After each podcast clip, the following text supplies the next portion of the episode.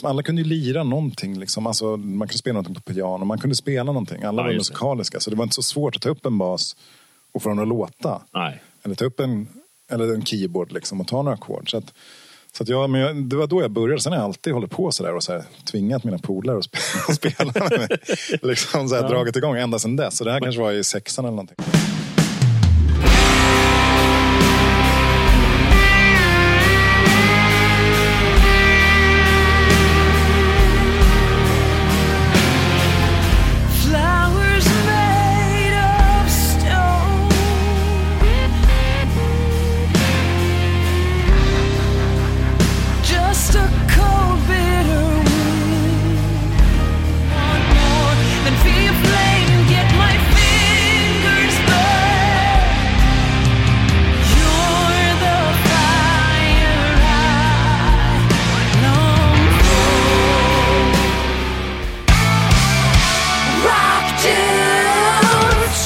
Välkommen gott folk till ett nytt avsnitt av Rock Dudes. I nummer 102 så kommer du träffa Marcus Gidell ifrån Doom Metal-bandet Avatarium. Det är ju superaktuella med sitt nya album The Fire I Long For. Ett riktigt eh, häftigt mästerverk om du frågar mig. Eh, du har precis fått lyssna på titelspåret här. Eh, ja, det är en eh, riktigt bra beskrivning över hur skivan låter rent allmänt. Marcus Idell då? Ja, han har i princip hållit på med musik i hela sitt liv. Eh, gick musikskola tidigt och eh, startade sina första band i, någon gång i slutet på mellanstadiet, början på högstadiet någonstans. Marcus har ju relativt nyligen blivit pappa, så vi pratar lite om det där faderskap och hur det är att spela i band när man nyligen blivit pappa. Ja, jag säger nog det här ganska ofta, men den här intervjun blev riktigt bra och det är riktigt... Marcus är en väldigt jordnära och intressant person att lyssna på. Han har väldigt mycket erfarenheter av allting som har med musikbranschen att göra.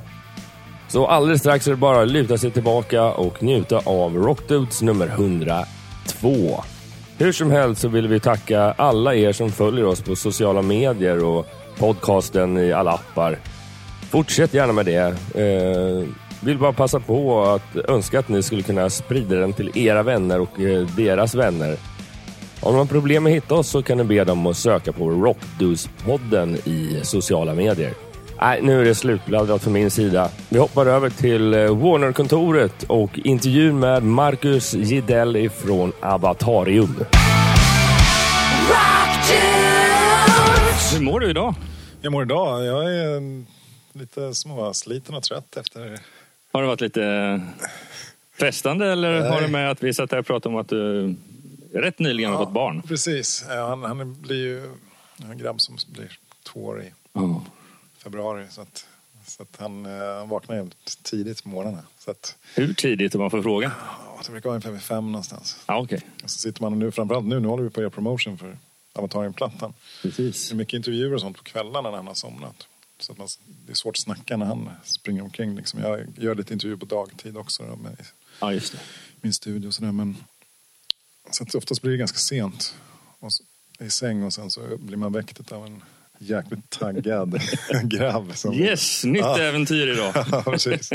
Men det är ju jäkligt kul såklart. Ja, ja. Men han går på förskola och sådär? Eller? Ja, precis.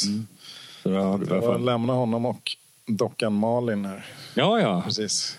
Jag tycker det är så kul. Det är mycket mer naturligt idag att eh, både pojkar och flickor leker inte nödvändigtvis med killar med bilar och tjejer med dockor. Det kan Ja, precis. Ja, jag tycker det tycker jag också är schysst att det blir lite. Ge- genusgrejer som Ja. inte spelar någon roll. Sen så älskar jag i och för sig bilar också då, men Ja. har en sopbil som är väldigt som han är väldigt förtjust i. Ja, det är just det där att de fastnar för vissa saker. De kan ha hundra leksaker, men egentligen är det en eller två de gillar. Ja, det är skitspännande. Men eh, som sagt, det med dockan är ju ett väldigt bra verktyg att liksom prata om så här, Ja. honom. Liksom, om hur, när man vill försöka få honom att Ja. liksom, förklara, man någonting eller prata någonting om hur han kanske är känt för någonting så kan man referera till den här lilla dockan ibland kanske. Precis. Ja, men, eh, leksaker för dig det är mera musikaliska ting som gitarrer och eh, andra instrument. Liksom. Ja. Han, har inte, han har inte ryckt tag i något sånt än. Ja, och Alltså. han älskar ju faktiskt gitarrer och Ja, trummor också. Han har varit i studion några gånger och spelat trummor. Ja, det är ju kul att slå. Ja, han tycker det är skitcoolt med trummor. Han pratar mycket om det och gillar han bankar på rätt många grejer som han hittar. Mm. och gitarren kommer han bärandes på. Alltså en riktig ja, min, större Ja, variant. min Acke som jag har hemma. Han, kommer, han kommer oftast bärandes på den. Ja. Och så vill han att man ska lira. Alltså han vill lira själv också. Han, alltså, tar han fram slide-rör och sätter upp på fingret. Och. Men sen så tröttnar det ibland också. Nu, nu inte spela mer. Nej. Och då får jag sluta spela. Jag- Grejen är så här att jag tror att han märker, jag förlorar mig lätt när jag spelar gitarr. Mm. Så att ibland så ger han mig gitarren och då sitter jag och lirar. Och då börjar han liksom ställa till bus. För då märker han att Nu är pappa någon ja, Nu är annanstans. pappa liksom eh, svävat iväg någonstans och nu kan jag liksom bara köra. Ja. Så att ibland undrar jag om det kanske är det som är anledningen till att han, att han ger mig gitarren. Alltså, ibland så är det just det där, framförallt kan det vara så där mycket föräldrar sinsemellan diskuterar att man måste ge sitt barn fokus. Men eh, de kan ju såklart utnyttja tillfället för Ja. att inte få fokuset på sig själv. Precis, men jag, fan, jag tror det. Han har en låda som han gillar jäkligt mycket att röja i. Och den springer han gärna till när jag... Precis. Kanske helst sådana saker som, som eh, man kanske inte vill att han ska pyssla med. Ja. Ja, exakt. Visst, visst är det så. Självklart är det så. ja, vad roligt. Vad roligt. Ehm, hur var du som barn? Oj, bra fråga. Jag har inte klump kaffe här. Ja, ja. Eh, Jag, var, jag var ganska så här, tillbakadragen och blyg faktiskt. Ja. Nummer två. Det fanns en frontrunner innan dig. Ja, precis. Så att jag liksom... eh, Ja, jag var, jag var, var faktiskt väldigt blyg, har de förklarat för mig. Ja.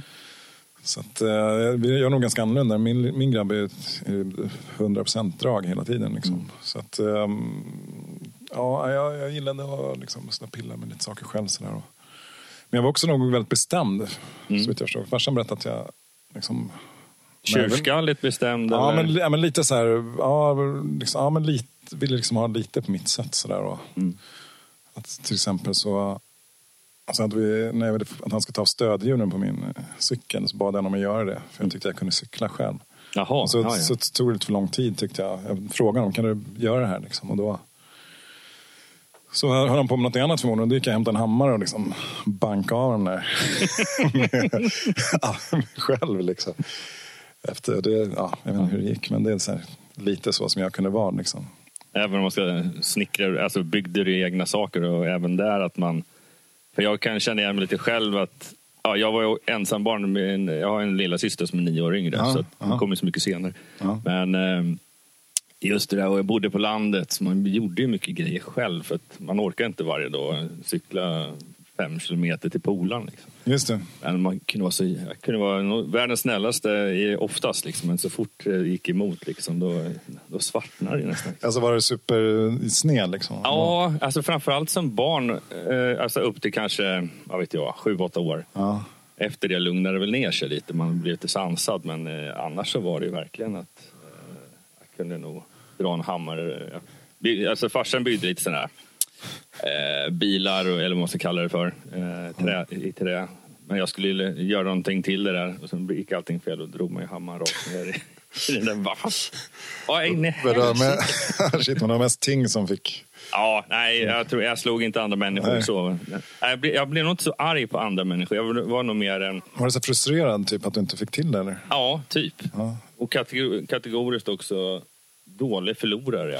Till och med typ man spelar skitgubbe eller vad, ja, vad man nu spelar i kort. Liksom. Kunde inte ens förlora i det. Men sen kan, kunde jag förlora i annat. Jaha. Men Det är, det mig. fortfarande så? Ja, kanske inte lika mycket kortspel, men däremot... Ja, nu tävlar jag tävlar inte så mycket, men man spelar ju kanske... Jag har precis nyligen börjat med paddel om du vet vad det är. Ja, just det. Det har jag tänkt testa, men jag har inte gjort det än. Eh, där, men där är det mer att man taggar till. Liksom. Ja. Man måste ju ha lite vinnarskalle. Men dagen är inte förstörd om du råkade torska Nej. en match. Liksom. Fast Det, lite. och det är, många sådana saker har försvunnit sedan man fyller 40. Jag vet inte om du kan Ja. hålla med dig. Att när, ju äldre man blir, någon typ av visdom slår. Jo, alltså livserfarenheten är ju, gör ju någonting med en. Så är det ju faktiskt. Det, det kan jag hålla med om. att man, man förändrar sig förhoppningsvis till det bättre. Jag tycker att det är liksom ett så här, man har det som, eh, vad ska man säga, att, att man bör verkligen, om man, om man inte gör det, om man inte förändrar sig till det bättre så tycker jag att man misslyckas med att åldras. Ja, det måste jag nog hålla med om. Men jag tyckte det var ganska skönt för att egentligen har jag tittat på, som jag pratat om många gånger i den här podden, att jag är, har ett stort brinnande intresse för musikbranschen och därför som jag verkar med podcast och med online-tidning och så. Eh, men jag jobbar inom IT, liksom där. Men där gick jag mer med, där var det inte så mycket det här med tävlingsinstinkt utan det var mer nojor över att Lite liknande som jag pratar med vissa andra, för när man saknar den akademiska vägen in i sitt arbetsliv så kan ju man lätt gå och tro på att snart går någon och trycker hål i den här ballongen och bara ser vilken nobody man är. Ja, just det, det där känner jag. Eh, och så gick jag nog de första tio åren inom IT-yrket. Men någon gång efter Men tio hur år... hade du utbildat dig någonstans? Eh, Det, fa- det fanns ju en enda utbildning. Nu pratar jag om om jag var programmerare och sådär. Det enda som man kunde utbilda sig på eh, högskolan, Tekniska högskolan var just programmering. Och jag var fullständigt ointresserad av programmering. Jag visste nog inte riktigt vad jag ville göra, men absolut inte det. Men till slut så efter, bodde nere i Vimmerby och sen sökte jag tonvis med jobb i Stockholm och i Göteborg tror jag var. Bara för att det, det fanns ett jobb i Vimmerby som hade med IT att göra. Okej. Och det var på kommunen. Och dit hade jag redan sett att bara på det halvåret jag höll på att söka jobb Ja. så eh, bytte de tre stycken IT-killar där. Beroende Oj. på redan 95, alltså på grund av utbrändhet. Oj då. Så att eh, just där och då var det ingen bra arbetsplats att vara. Man var en person och fick göra allt. Ja, jag fattar. Och skulle verka över hela kommunen dessutom. Ja, det var säkert ännu värre då. Liksom, ingen fattar någonting. Exakt, så då fick du göra allting. Ja. Du kunde inte knappt lära upp Nej. någon vara lite duktig i alla fall. Mats Rydström som spelar bas med Avatar, han berättade att han jobbade med IT-support ett tag. Ja. Och när han, jag kommer inte ihåg vart det var, men han berättade att liksom 80 procent av fallen, eller hur mycket det nu var, så, så, så kan jag stänga av datorn och sätta på den igen Ja. så kollar om det funkar. Och, Precis. Ja, nej, men det är intressant. Men Jag tycker det är svårt. Jag är ju faktiskt, jag nämnde lite kort för dig med, med hela IT. Jag håller ju på att jobba med datorer liksom ganska mycket ändå. Med, in, Med musik och in. Ja, precis. Inspelning och, och sånt. Och, eh, men jag, tycker ändå det är, mm, tycker det är jobbigt med alla de här liksom, alltså, uppdateringar och skit som ska göras hela jäkla tiden. Och, och liksom oftast, jag kan bli frustrerad. Liksom, med- framförallt med musikprogrammen när de man har någonting som funkar och så helt plötsligt ändrar man, liksom på, ändrar man på någonting. Bara, det känns ibland som att en del IT-människor ändrar på saker bara för att det ska ändras. Liksom. Exakt. Kan jag känna, men det är lite så gubbigt att tycka så förstås. Men, eh, och lite så här bakåtsträvande kanske. Men, men jag, jag känner att jag uppdaterar mer och mer sällan för att funkar det så funkar det. Och, och liksom för mig handlar det om att kunna jobba fort. Jag behöver vara kreativ. Jag, jag vill liksom inte sitta och men varför är det här kommandot borta? Hur hittar jag det? Liksom? Jag, Ja. vill, jag vill bara komma framåt. Jag, för mig är det en bandare. Liksom, en Ja, exakt. Och det är det, alltså, jag har snackat med otal många proffsstudiotekniker. Liksom. Att, eh, I de flesta fall fortfarande idag. Och jag har ju byggt ett par stycken, men nu är det rätt länge sedan. Då var det PC dessutom, men det spelar ju egentligen ingen roll. Men ja, det var ju nästan... Då fanns inte så mycket molntjänst. Idag delar man ju så mycket filer på internet. Ja. Alltså eh, när man producerar musik, typ Dropbox eller liknande. Eh, Så då behöver man ju tillgång till internet. Men eh, då, då byggde man ju sånt där så att ja, de var väl uppkopplade på själva lokala nätverket ifall man skulle komma åt någon annan burk eller någon server eller något. Ja, Men i övrigt så var den helt frånkopplad från internet. ja. Så att, plus att man stängde av alla uppdateringstjänster. Så när du väl ville uppdatera, då gjorde du ett aktivt val och typ stängde ner hela verksamheten. Uppdaterade datorn så till att allting funkar och sen så aktiverar man verksamheten igen. Och Så då tog man kanske en dag eller en kväll eller vad det nu var. ja. Eh, och då är är det, mer, då är det är lite mer kontrollerat. Precis. Än att man, det här automatiska installationen, det går ju liksom inte att ha en, i en studiomiljö. Det finns Nej. ingen industriverkstad som jobbar så med sina verktyg där. Liksom, Nej, det är hantverkare. jobbigt när man sitter med liksom en, in, in ett skarpt läge i inspelningssituation och så helt plötsligt så vet man inte hur saker och ting funkar. Liksom. Nej, eh, ja, men bara, Får man bara säga, vänta lite, jag måste bara kolla, fan det är någonting som har ändrats här. Så vilken knappkombination var det för att göra, Ja. för att göra det här? Liksom? Så att det är verkligen, det är, ja, jag vet inte. Men apropå utbildningen, när jag läst eh, lite om dig så verkar du ha gått... Eller stämmer det att du började spela cello som första? Ja, det stämmer ja. Jag var du frågade hur jag var som barn. Det är en grej som var som farsan att sa att jag sjöng innan jag snackade. Liksom. ja, ja. ja, jag har alltid varit som musiktomte liksom. Ja. Ända sedan liten. Ända sedan Men det är så liten. roligt, det är inte alltid det är så när man pratar med folk idag. Ja. Men, eh, Ja, för mig var det så. Och jag jag vet så här, jag hörde, hört så här, farsan så här gamla inspelningar. När jag sjöng när jag var liten, det var med stor så här, emfas. Liksom. Jag hade typ ett halvt oktavs, liksom en halv oktavs omfång. Liksom. Jag kunde- hade inte så många toner, men de sjöng jag med. Mm. Tog i för kung och fosterland och verkligen. Då blev du expert på sig- dem i alla fall. Ja, men så tog i så jag verkligen skulle pricka liksom, rätt toner och sådär. Men, men sen senare då så, alltså, så, så, jag tror farsan och morsan de satte mig liksom i Kommunala musik. musikskolan. Ja, och musik. Jag hamnade i någon sån kör redan tidigt. Alla de där grejerna bara ramlade in. Jag var liksom så här, ja, vill du vara med i en kör? Ja, Ja. ja. men liksom, jag, det känns som mycket av min barndom var bara så här, ska du göra sådär? Ja. Så hamnar man någonstans. Liksom. Men de Ja, märkte, det var de märkte, så. ja, det kändes så liksom, när jag tänkte tillbaka på det i alla fall. För jag vet att jag har så vaga minnen från att jag var jätteliten då var med i någon kör ute på Ekerö där jag växte upp. Och, eh, och jag tyckte det var kul uppenbarligen som jag var kvar. Men det kunde lika gärna varit så här, jag var ju lite så här hemlig liksom, så jag kunde lika gärna kanske suttit där och inte tyckt det varit kul fast inte sagt någonting. Liksom. Nej. Men jag, upp, upp, jag tyckte det var skoj liksom. och, sen så, och sen så började jag lira då. Farsan spelade ju cello. Mm. Så det var också lite så här, ja du ska vi spela cello? Typ så här, ja, det kan jag göra liksom. Ja. Så, här, så, så, ja, så lirade jag cello och sen så, så jag ville söka in på Adolf Fredriks musikskola. Så de liksom, ja, är det? Jag vet, storebrorsan gick där. Så här, Mm. Jaha, ja, kanske jag kan göra det. Liksom. Så sökte jag in där och så kom jag in där. Och, men då började jag tycka det var kul Mm. att sjunga. Då, märk, då minns jag liksom att jag tyckte det var kul att stå liksom, och ta i järnet i ett liksom, eh, kör. Mm. Och även lite solo och såna grejer. Men att jag gillade det klassiska när man fick ta i och liksom bara kräma på järnet. Liksom. ja, just det. Så att... Eh, så det var väl det liksom. Men det var fortfarande liksom... Musik var bara så här, ja men ja, man gör det liksom. Mm. Sådär. Jag tyckte det var kul och jag märkte att jag hade lätt för det. Och jag tyckte oftast att jag liksom kanske greppade saker. Men ägnar du mycket tid på fritiden åt det också? Så att säga, bortsett från att du kanske tränade körer? Ja, alltså hyfsat liksom. Men det var ju liksom, sen var det ju så när jag, när jag upptäckte elgitarr. Det var ju då det liksom, det var då jag själv tog initiativ. Ja. Det var då jag blev så här. För det var ingen som bad dig att prova? Nej, eller? farsan tyckte inte ens det var ett riktigt instrument. Nej. Ja, men han, var- det var verkligen så. Han tyckte inte att elgitarr var ett riktigt instrument. Fort... Lever han fortfarande idag? Eller? Ja, nej, han lever inte längre. Nej. Han, han, eh, han var en jävla bra gubbe. En grym, Ja, häftigt. grym kis. Men han, han, var liksom, han, han tyckte så här, ja man, eh, så här, gitarr och piano, det hör till allmänbildning att kunna. Mhm. Och sen ska man lära sig ett riktigt instrument också. Så brukar han säga. Och då var det allt annat än elgitarr? Ja, nästan. och, och, men då snackar han ändå, menar han till och med en vanlig gitarr. Men han menar väl så här brukspiano och liksom Ja. kunna ta några ackord på en gitarr. Så där. Men, ehm, men när jag, hörde, när jag började höra liksom, hårdrock, då var ju det liksom. ja, vilken musik var det som fick dig att leda in på Ja, elgitarren? det var väl? Maiden och liksom, kanske Ozzy och Mm. sådana där grejer som blev så här. Liksom, man hörde Black Sabbath och Dio, Mm. Kiss såklart. Liksom. Alla sådana där grejer som man blev så här.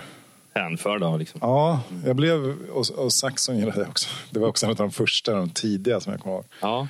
Sådär, och jag, blev, jag blev verkligen, när jag hörde elgitarr, det ljudet, så hände någonting med mig. Ja. Liksom bara där distade komp. Liksom. Egentligen är det så jäkla enkelt med det. För det är väl oftast det som triggar folk. Sen har man valt olika spår sen i sitt gitarrspelande. Men, eh, Ja. Det är rätt stor skillnad på det du själv spelar idag jämfört med kanske vad Saxon och Ja. tidigt. Ja, det kan man nog säga. Kanske Soundmässigt i varje fall. Sen Ja, kanske- hyfsat. Sen så gillar jag fortfarande tidiga Maiden. Tycker jag, först som ett Paul Diano tycker jag kan jag fortfarande lyssna på med stor behållning och tycker Mm. är skitbra faktiskt. Det är den, min favorit Maiden idag. Mm. Liksom. Och det var ju faktiskt just, jag tror det var typ Killers-plattan jag hörde först. Liksom. Mm. Jag tyckte det var lite så läskigt och farligt. Fast jag tyckte också det var jäkligt coolt. Liksom. Ja. Det var lite stö- eller så här, inte farligt vet jag inte, men lite så stökigt. Liksom. Ja. Det var lite så här... Ja, ja, men så det gick man tillbaka till. Ja, men det... Ja, mm, sådär liksom. Ja, Jag tycker det är så kul att prata om just det där för att jag är en eh, stort hårdrocksfan idag själv. Men det var verkligen inte riktigt så från början. Det är klart att för att jag är mera, jag är inte, jag är inte uppvuxen med musik så himla långt därifrån. För att, eh, framförallt farsan, hans stora husgudar var ju varit Pink Floyd och, Ja, och de gamla banden som Rolling Stones och Ja. det som var med på 60-talet. Liksom. Och, Joe Cocker och hela, Ja, hela coolt. blandningen där. Liksom. Så hårdrock kom in för mig en bit in i tonåren. Liksom. Okej. Ja. Slutet på 80-talet någonstans. Ja, för mig var det farsan och morsan, de lyssnade ju bara på klassisk musik och farsan gillade jazz också. Och så kunde han liksom, ja men han kunde ju liksom gilla lite blues och så här, B.B. King spelade på tv liksom. Bara, men här kommer ska du lyssna liksom. Ja, just. Lyssna på det här, här är bra, den här killen är bra liksom. Ja. Eller, jag kommer ihåg att när jag hade börjat spela precis så var det någon Vreeswijk-konsert, Cornelis Vreeswijk. Och Ja, här, det. här ska vi komma och kolla på en kille som kan spela gitarr. Så. och så kollade jag liksom, ja, ja. men det var bra. Liksom. Ja. Så att han, han, liksom, han fattade, han tog också med mig på mycket jazzkonserter faktiskt. Ja, så här, ja. Mm. Arne Domnerus brukar spela på Grönan, eller på Skansen var det. ja, just det. Jag tror det var Arne Domnerus. Och så var det Rune Gustafsson som hade satt och spelade gitarr där, som, som spelade med Vreeswijk. Och, Mm. Svinbra jazzgitarrist. Liksom. Så, att, så, så att mycket sånt. På så, så, att, så att han tog med mig på sådana här grejer och liksom, så snackade vi om, eh, snackade om musiken och sådana grejer. Så han lärde mig liksom att han, han, tyckte, han tyckte det var kul. Vi hade så här givande samtal ganska tidigt om, så här, Fan, om spännande. musik. Liksom. Men hur gick det där vidare? Blev det, fortsatte du på egen bana eller började du även relativt tidigt med att starta band? Eller? Ja, nej, men precis. Nej, men där, där blev jag. Helt plötsligt när jag upptäckte gitarr då, då blev jag väldigt engagerad. Och, och då liksom... Då var det ju så att att jag hade turen att gå på musikskola. Så, så all, folk var ju liksom musikaliska. Alla var ju musikaliska. Så man kunde bara fråga sina bästa polare. Liksom, så här. Fan, jag började spela gitarr. Kan vi inte bilda ett band? Liksom? Ja, just det. Ja, okej. här. Och så hade en, en kille, han, hans farsa hade en studio liksom, så här, med en replokal i källaren. Liksom, så här. Ja, vi kan nog gå där. Så. Ja, vad, vem ska spela vad? Ja, jag ville spela gitarr då. För Ja. jag, jag har ju börjat spela gitarr, så jag vill spela gitarr. Ja, vad ska jag spela då? Ja, men, du- ja, men jag kan spela lite trummor, sa han den som Ja, hade studio. Så ja, men då kan du spela trummor. Ja, men, eh, och så, ja, men du kan spela bas. Liksom. Alla kunde ju lira någonting. Liksom. Alltså, man kunde spela någonting på piano, man kunde spela någonting. Alla Ja, var just det. musikaliska, så det var inte så svårt att ta upp en bas och få den att låta. Nej. Eller ta upp en, eller en keyboard liksom, och ta några ackord. Så att, så jag, men jag, det var då jag började. Sen har jag alltid hållit på sådär och så här, tvingat mina polare att spela, spela med mig. Liksom så här, Dragit igång ända sedan dess. Så det här kanske var i sexan eller någonting. Och där blev ju ändå en switch ifrån att du eh, Ja, men du, du, du var inte rädd för att prova nya Nej, saker. tyckte det var så och, mäktigt. och framförallt om det handlar om musik. Liksom. Verkligen. Jag, men jag, måste bara, jag kommer ihåg första gången jag stod, det kommer jag faktiskt fortfarande ihåg, första gången man kopplade in en elgitarr där och stod och lirade tillsammans. Liksom. Ja, det är, det är en häftig grej. Och bara så här, Åh, sa- få samklang. Ja, vi spelade tillsammans. Jag tror han sa Def Leppard-låt också. Jag gillade den här Paramania-plattan som kom innan deras stora succéskiva.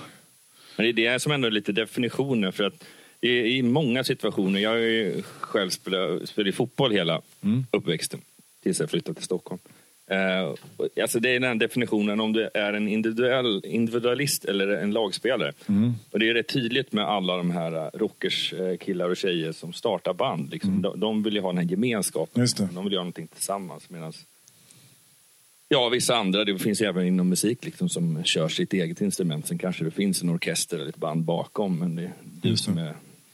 Eh, ja, du eh, lever inte ihop med de här som man kanske gör med ett band. Nej, precis. Nej, men så är det ju verkligen som band. Och, och som gitarrist är man ju verkligen i båda lägena. Man är ju Mm. både liksom komp-kille och Solo. liksom solo. Jag vet inte vad det är i, fotboll. Liksom. Är man mittfältare, är man, man springer både fram och gör mål ibland. Liksom. Mm. Men för det mesta så är man liksom och täcker upp och håller lite koll så här på allting. Mm. Ser till att allting funkar. Men sen helt plötsligt springer man fram liksom.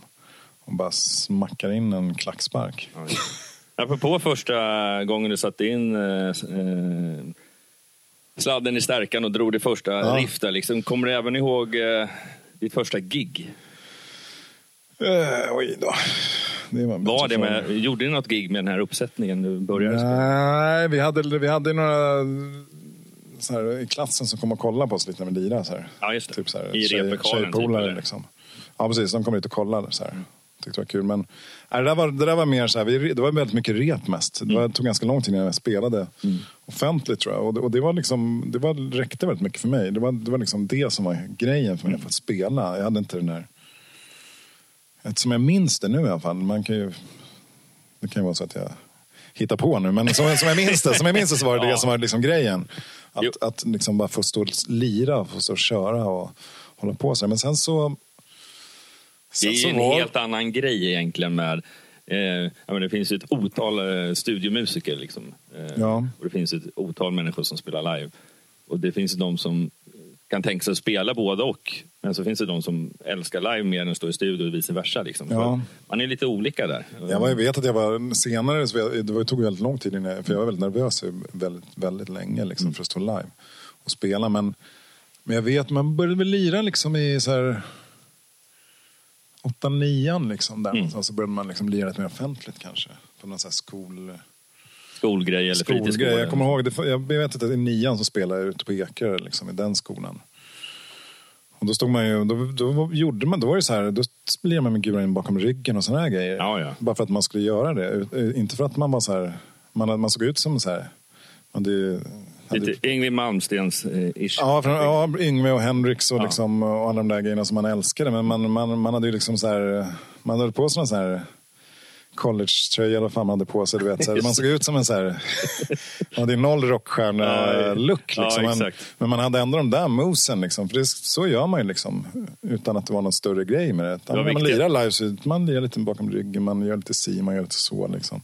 Det ska vara lite kul. Det, det var mycket så här, ha Lite, roligt. show, lite showigt liksom. Det ska inte bara vara Nej, men precis. musik. Liksom. Nej, jag tror så man har någon som, men det, det är det Yngve, precis som du säger. Yngve var ju, alltså, han var ju också liksom, i början för mig. När jag hörde, det minns jag också när jag hörde hans första instrumentalplatta. Det var också en sån där, liksom, att höra en gitarr låta på, på det sättet. Mm. Jag tyckte det var så vackert och klart och rent och liksom fantastiskt.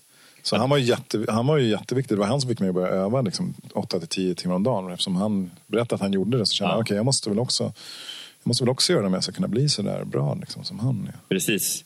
Det är lite som eh, kommit in, eh, ja, har ju såklart största intresset i musik men stort sportintresse också. Och det är ju så himla mycket snack om eh, olika diskussioner om det här med talang.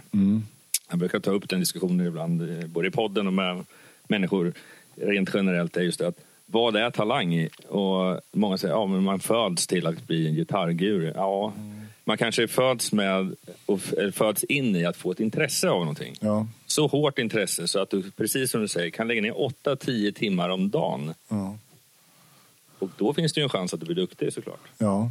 Eh, men det är, det är själva övandet som är talangen. Ja, själva... att orka, liksom, orka för att man tycker det är så kul att liksom, komma över de där trappstegen hela tiden. Att när, när man äntligen lyckas spela någonting som man har drömt om att kunna spela så är det en fantastisk känsla. Liksom. Ja, exakt. Det är lite så jag har känt när jag är, ja, jag har instrument så hemma men det blir allt för sällan man spelar för att man prioriterar andra grejer som kanske känns viktigare för en. Ja. Liksom. Men, men å andra sidan förståelsen för den här ofantligt mycket tiden. För det kan jag ju se på mitt andra yrke. Det är klart att visst, jag har ju haft det som jobb och på det sättet har man övat direkt på jobbet. Men, men eh, de första fem, tio åren, så mycket tid jag la ut utanför arbetstid för att då träna inom situationstecken. Liksom. Det, det, men det, är ingen, det är ingen annan väg att gå om man ska bli duktig. Nej, ja, men så är det ju verkligen. Det är...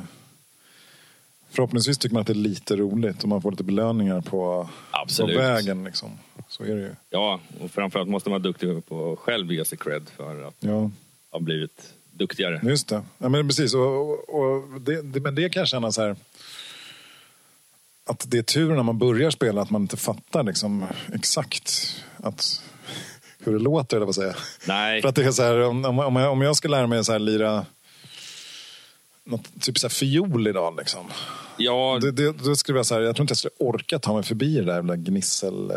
Det är så här, Exakt. två års tid förmodligen innan det börjar ens låta så här ganska snyggt. Liksom. det är det maxar instrumentet till att, att just de här... Ja, min syrra spelade fiol i något år eller två. Ja, men typ från trean då man började liksom. Och, ja, och det var, inte- jag, tror, jag tror det var precis... Alltså jag tror jag slapp lite av det beroende på att jag är nio år äldre och jag flyttade hemifrån. Det där kanske var därför du flyttade hemifrån. ja, vi håller inofficiellt. Nej då. Men eh, jag förstår ju det. Det är verkligen ett gitarr. Ja, det låter inte så snyggt heller, men det är inte så att, man, att det gör ont i öronen. Liksom. Men det kan det ju nästan göra med en fiol i Ja, början. fiol är inte snällt alltså. Nej. I början. Det är, Men sen är det ju fantastiskt vackert. det är när man fantastiskt kan. när man kan spela det. Ja, det är underbart. Alltså det är ju det.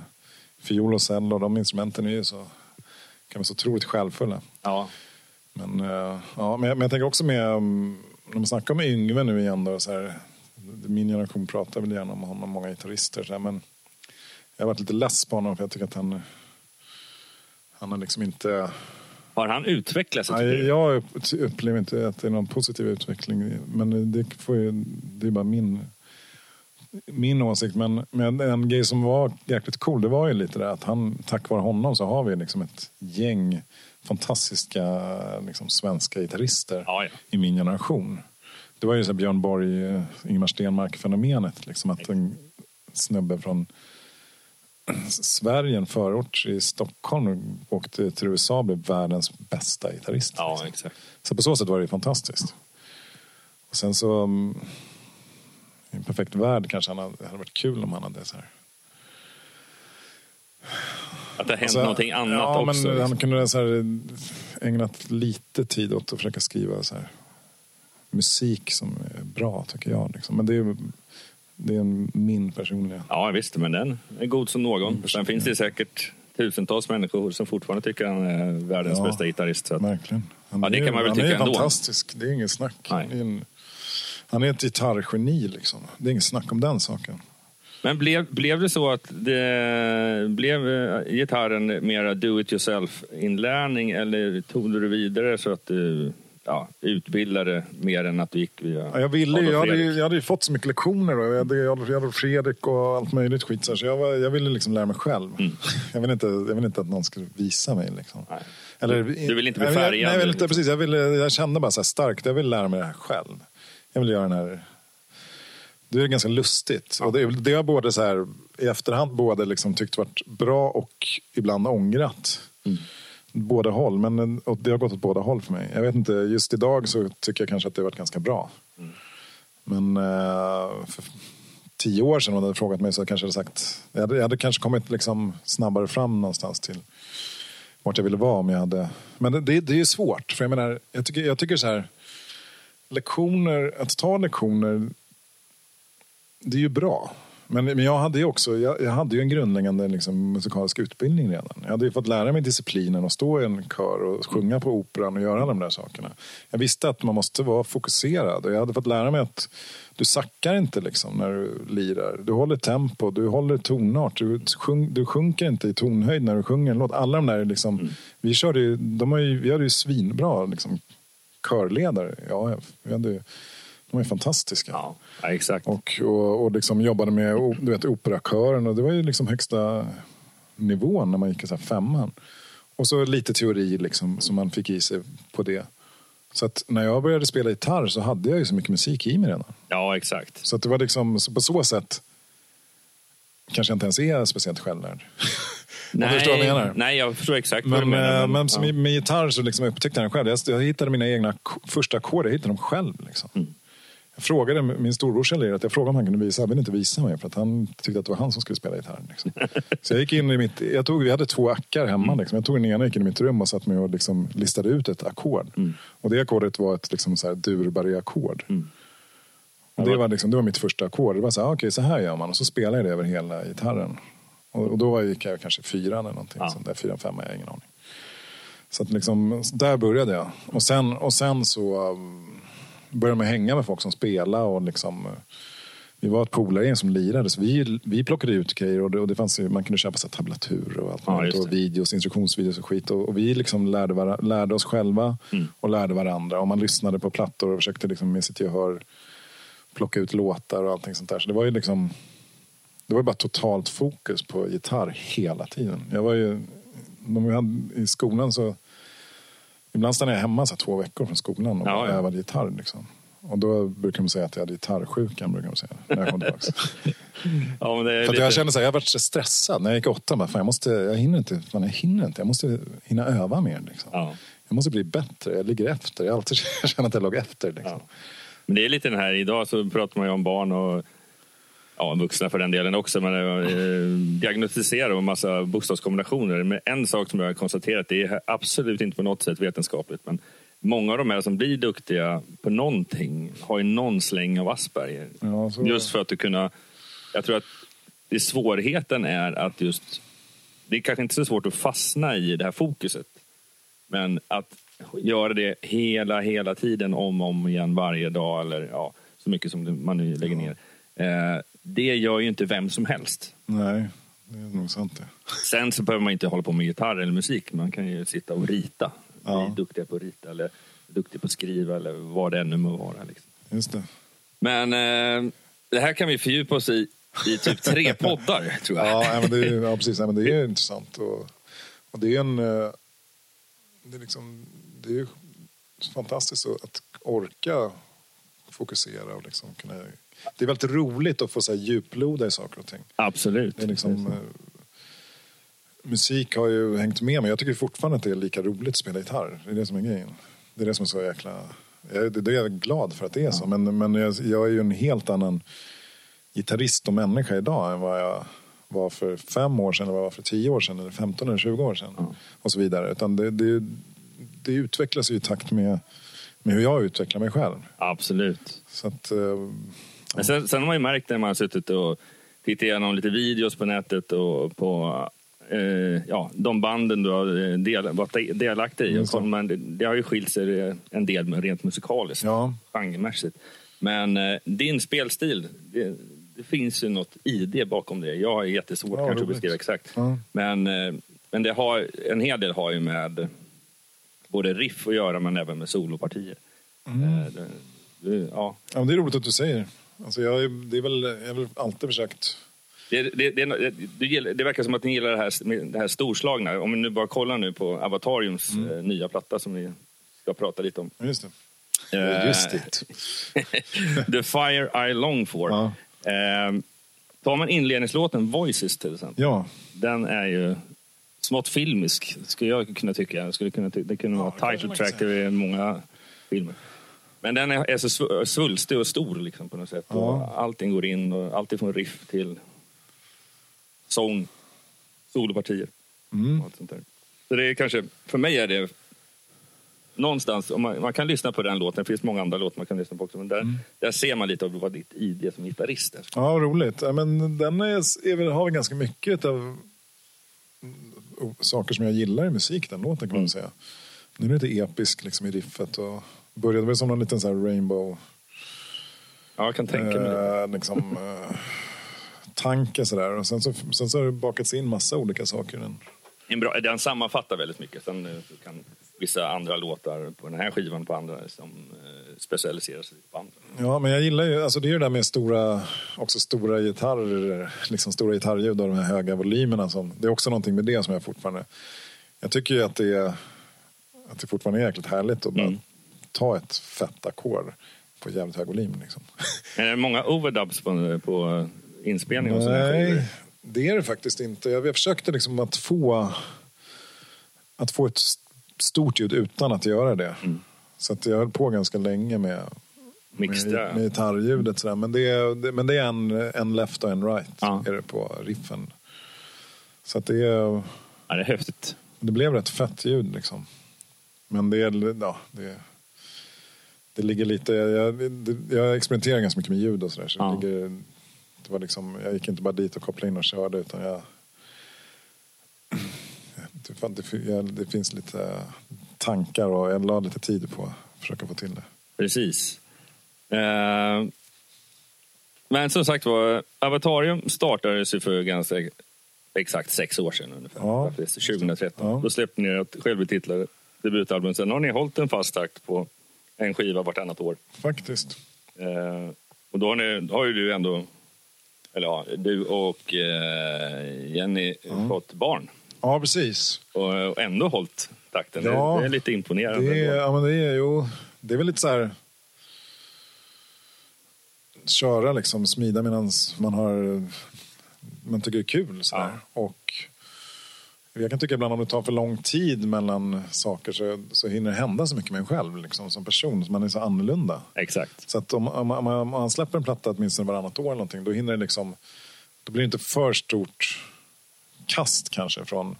Om vi säger att jag sk- Det blir, blir en, lätt, det blir en, eh, en eh, smoothare eh, väg mot, Ja, precis. från skiva till skiva. Precis. Ja. Och för att jag, jag tycker musik är ju det är viktigt för mig att, liksom, att, det, att det ska vara ut, ständig utveckling. Mm. På samma sätt som jag förhoppningsvis själv är i ständig utveckling. Men på vilket sätt, om du beskriver utveckling, vad, vad betyder det? Jag försöker hitta nya liksom, infallsvinklar, nya sätt. Och, alltså, jag, jag vet inte, jag, någonstans... Man försöker ju... det är musik är ju kommunikation också. Liksom. Mm. Man försöker kommunicera och eh, nå ut liksom, till folk och beröra folk. Och, och det är ett sätt att uttrycka sig på också. Liksom, jag, jag tror också det som jag gillade med gitarr redan från början. Att, att det var ett sätt, eftersom jag var ganska tyst, Mm. så var det ett sätt som jag kunde uttrycka mig på. Och liksom säga kanske saker som jag... Det var lättare för dig att Men- beskriva. Precis, jag kunde få ur mig känslor liksom, Ja. utan att prata. Och, det, och det, det är väl det man fortfarande håller på med på, på sätt och vis. Men om man, om man alltid bara, man vill inte säga samma sak hela tiden, då blir man ju uttråkad på sig själv. Ja, det är ungefär som om man skulle åka land och rike och världen och hålla en föreläsning. Exakt samma föreläsning hela sitt liv. Exakt. Skulle man nog bli rätt uttråkad Ja. ganska fort. Så, att, det liksom, så man vill ju försöka hitta liksom, nya sätt och, ja, och nya infallsvinklar på det man håller på med hela tiden. Och, och, och, och ett sätt är ju, alltså man lyssnar mycket på musik och influeras och, och hittar saker som man gillar och så försöker man få in det i, i det man själv håller på med. Men det måste hela tiden, det måste hela tiden, måste hela tiden finnas någonting nytt och någonting eh, intressant, någonting som griper tag i en för att, för att jag ska tycka att det är kul. För att det Men, gör- jo- men i och med att du jobbar, när du jobbar fram sound och sånt där jobbar du mycket med ja, allt från förstärkare till pedaler och vad Ja. det nu kan vara. Nej, jag lyssnar på, för du är ju en, en del i en duo av podcasten Gitarrzombien. Just det, precis. Ja. Eh, alltså, om man bara snabbt lyssnar igenom flera avsnitt och Ja. ni pratar gitarr som ni gör såklart. Eh, Ja, det är så är det ju mycket. dig och fassljudet någonstans. Ja, det har varit mycket, diskussioner om. Ja, det har varit mycket fast. Fredrik tycker det är väldigt kul att jag, att jag gillar fastpedalerna också. Men Ja. fast, det, har, det har varit ett sätt att liksom hitta en... Jag har bara gillat, jag har bara gillat det, liksom det där trasiga. Ja. Att försöka kontrollera det trasiga kanske. Det är Ja, kul, det är liksom en, någonting med, ett, med det soundet som är intressant. Och det, och det är väl lite så här så... Människor som är, som är trasiga kanske också är, oftast är lite mer intressanta. Men sen så måste man ju försöka få balans i livet och få, få liksom ordning. Så det kanske har någonting med det att göra. Det var väldigt, en helt ny analys av mig själv. Precis, och, men- och fastpedaler. Men Men om man, om man väver in det lite med, eh, som du säger, att du har haft lättare att beskriva dina känslor genom att skriva musik Ja. eller spela. Eller spela. Eh, behöver du vara i någon form av känslostadium för att vara bättre eller ha lättare för att skriva låtar? ja, det, det tycker jag. Både när man skriver och, och när man eh, spelar in. Mm. Man behöver vara liksom i... Vissa dagar går, alltså man ska försöka lägga ett solo, vissa dagar blir det ingenting. Det blir inget bra. Alltså, jag, kan, jag, jag kan alltid spela in ett, jag kan alltid spela in ett solo. Mm. Som kommer låta liksom eh, ungefär... Max okej. Ja, det kommer låta bra liksom. Ja. Det är så här, ja, men som många solon låter. Ja. Som kanske inte jag tycker är så jättekul. Nej. Men eh, jag, jag, tycker, jag försöker hitta, hitta den där liksom extra nivån när, när det är någonting oförklarligt som sker. Och då behöver man ju vara i ett mood. Ja. Liksom. Eh, och ett sätt att vara i det modet kanske bara är att man spelar mycket och, och sen så mentalt försöker bara Släppa öppna upp loss. sig. Ja, men öppna upp sig exakt. lite sådär eh, för, eh, för, för flowet så att säga. Mm. Och det är samma sak när man skriver.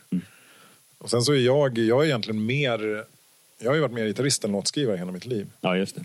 Men, men jag gillar ju verkligen att skriva musik och, och med Avatarium har det varit viktigt att vi, att vi börjar skriva mer, både jag och Jenny Ann. Mm. För, att, för att annars, jag orkar inte längre åka omkring och liksom bara, jag, vill få spela, jag vill spela min egen musik. Liksom. Ja, precis. Sen så har vi, har vi haft liksom Leif Edling med hela tiden som är en fantastisk låtskrivare, en av de bästa som finns. Mm. Ja, han är ju, han är ju liksom Men han är ju fortfarande med och Ja. skriver låtar. Han är med också. Han har skrivit tre låtar på nya skivan. Och han är ju liksom, vi jobbar ju jättemycket tillsammans han och jag, med allt möjligt. Jag pro- producerade ju Kalmarsplattan Mm. som de släppte nu. Och han är ju liksom som en storebrorsa. Och, eh, liksom, jag har lärt Men ni har, känt, tro... var- men ni har känt varandra i, långt tillbaka? Nej, inte så jättelänge ändå. Utan vi började liksom, det var ju där någonstans Samband med. 2011-2012 som vi började liksom... eh, Jag vickade med Canmas Ja, och då liksom började vi snacka och, och hittade väl varandra lite grann sådär. Ja. Och sen så i och med Avatarium då så har vi börjat jobba med massvis med olika saker. Ja, jättemycket. Så att han har ju verkligen varit... Han är lite som en läromästare för mig på sätt och vis. För att jag, han, vi pratar ju så mycket och vi jobbar så mycket och jag ser hur han jobbar, jag ser hur han tänker när han skriver. Jag är med i hans låtskrivarprocesser, har jag varit med i sen liksom Mm. Sen dess. 2012 nu. Ja. Jag, jag ser hur han hur mycket han jobbar och hur han vrider och vänder på saker och hur han försöker få till det absolut bästa för låten. Och, Och han, är, han, kan liksom, han kan ha en skitbra låt som jag kan tycka är fantastisk. Mm. Och så bara känna, nej, bort. Det är en ny liksom. Ja. Det här är inte tillräckligt bra. Nej.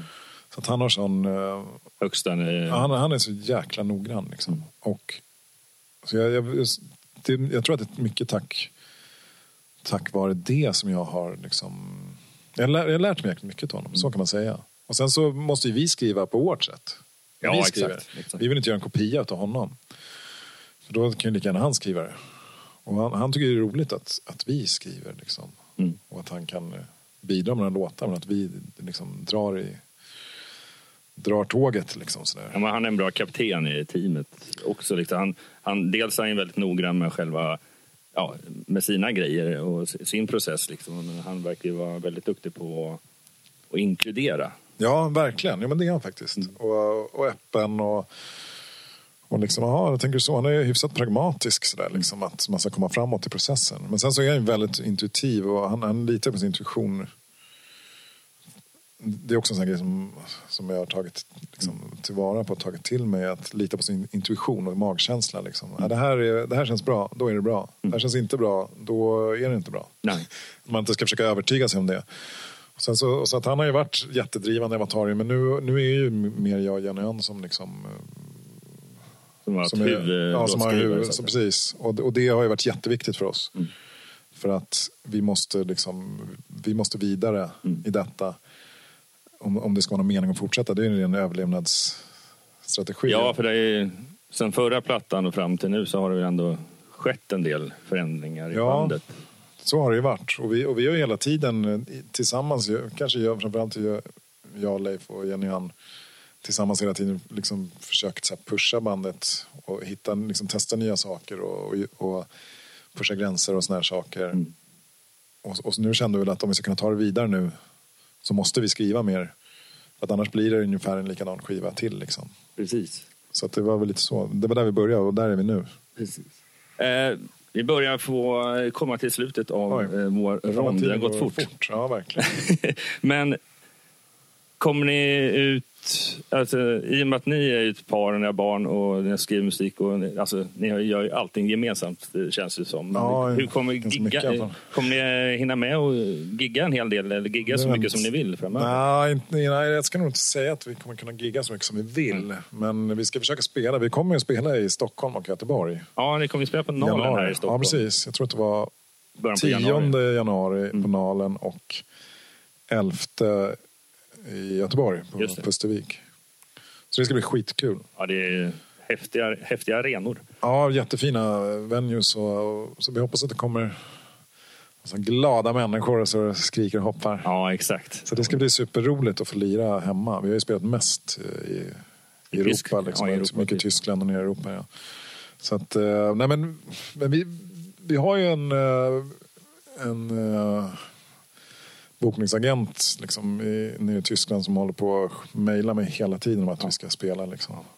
Men Och jag får, typ, jag får typ så här ångest för Ja. att jag vet inte hur vi ska få till det. Nej. Men, men vi, eh, vi ska försöka göra någon form av turné Mm. nästa år nere i Europa. Yes. Och sen så får vi se hur vi, hur vi får till det. Lyckligtvis har vi en, en fantastisk mormor till barnet som, Ja. som eh, vår grabb älskar. Ja. Och så, att, så det kan vara en lösning, liksom, att de hänger lite. Ja, exakt. Jo, det... Men vi får, vi får se. Jag, liksom, han, är, han är faktiskt nummer ett prio för mig. Ja. Så, att, eh, så att det måste vara, det måste vara en bra, ett bra sätt som det sker på. Vi kommer förmodligen göra lite, vi har fått erbjudanden om lite festivaler och sånt i sommar. Just det. Och det är ju lätt att åka iväg. Då är det, det har bara, vi gjort då är det bara han- någon dag eller två. Precis, och det gjorde vi redan när han var ett halvår gammal. Mm.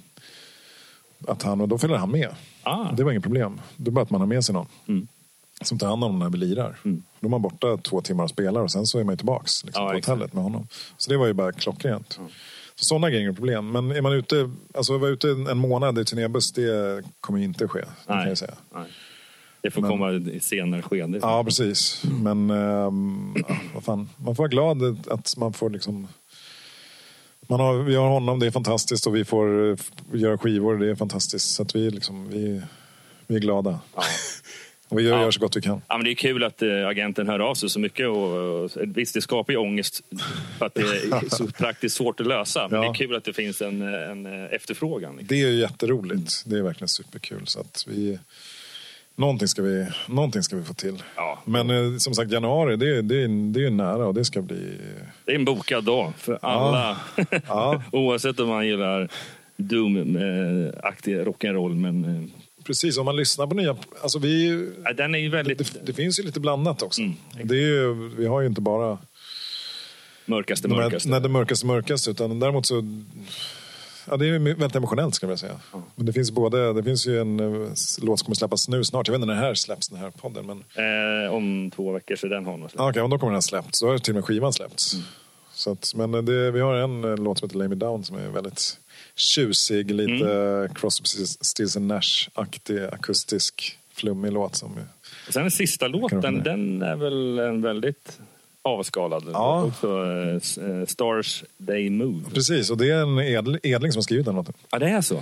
Men eh, han har faktiskt inte hört vår version så jag hoppas att verkligen han kommer tycka om den. Ja. Eh, för att från början så skulle det vara en, eh, en 10 minuters Jimi Hendrix-låt. Ah. Och så gjorde vi den till en jazzig piano, in, intim piano-låt. Det. Som är fantastisk. Rickard den- Nilsson, eh, vår keyboardist, gjorde ett fantastiskt arrangemang tillsammans med Jenny, Jenny Ann. Så den, det är en av mina favoritlåtar på plattan. Och när Jenny sjunger den, hon kommer ju från jazzen, när hon gör den grejen då är det ju någonting speciellt som händer. Ja, verkligen. Ja, jag håller med. För den, man lyssnar igenom alla låtar sen bara... Var det här en låt från den plattan? Ja, det var det. Ja, men, nej, men den, var, den var faktiskt smått magisk. Jag har lagt på några lite så här knarkiga guror bakom som, som ligger och... Ja, de är väldigt så här, De ligger väldigt apart liksom, Ja. men de finns där och skapar lite, ambiens. ja, lite psykedelisk känsla som jag gillar. Ja, vad roligt. Det här var jätteroligt att snacka. Det kunde vi suttit i timmar till, men vi får ta det vid ett annat tillfälle helt Ja, enkelt. Ja. verkligen. Superkul. Tack så mycket. Tack själv. Ja, tack så mycket gott folk för att du har lyssnat på Rockdudes nummer 102 med gästen Marcus Gidell från Avatarium. För guds skull, gå in på Spotify och lyssna på The Fire I Long For. Eller varför inte gå in på nätet eller i en skivbutik och köp deras album. Det kan jag starkt rekommendera.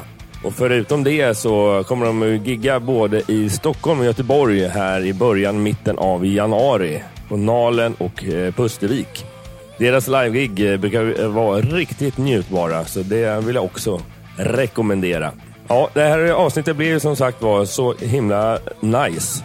Eh, ett skönt samtal mellan två dudes och jag kommer ju till rätt mycket självinsikter också, inser jag nu här efter avsnittet. Men hur som helst, eh, tack så mycket för det. Och ska vi fortsätta att tacka så är det ju för alla er som följer oss på sociala medier som Facebook och Instagram. Fortsätt gärna med det. Eh, tipsa gärna era vänner och deras vänner. Och eh, ska man enkelt söka efter oss så kan man söka på Rockdudespodden. Skriv gärna en kommentar eller skicka oss ett mess på Facebook om eh, du har några idéer eller vad du tycker om våran podcast. Har du någon idé på någon gäst eller ett ämne så tar vi gärna emot det, precis som vanligt. Och har du inte sociala medier eller gillar mail bättre så kan du skicka det till rd rockdudes.se. Gingen är inspelad av Jonas Hermansson, Peter Månsson och Mia Kohlhart. Och det här avsnittet spelades in och redigerades av Jonas Löv.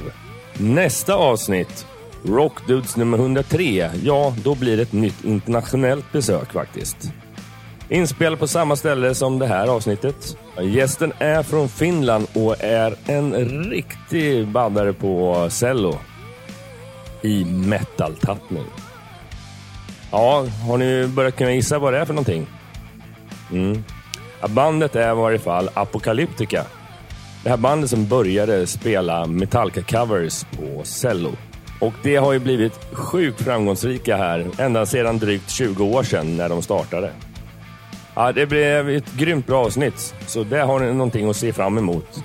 Ja, det avsnittet släpps alltså om en vecka, vilket blir ja, veckan innan jul. Perfekt uppladdning. Så det blir faktiskt sista avsnittet för den här säsongen.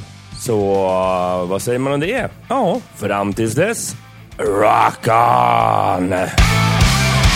Rock.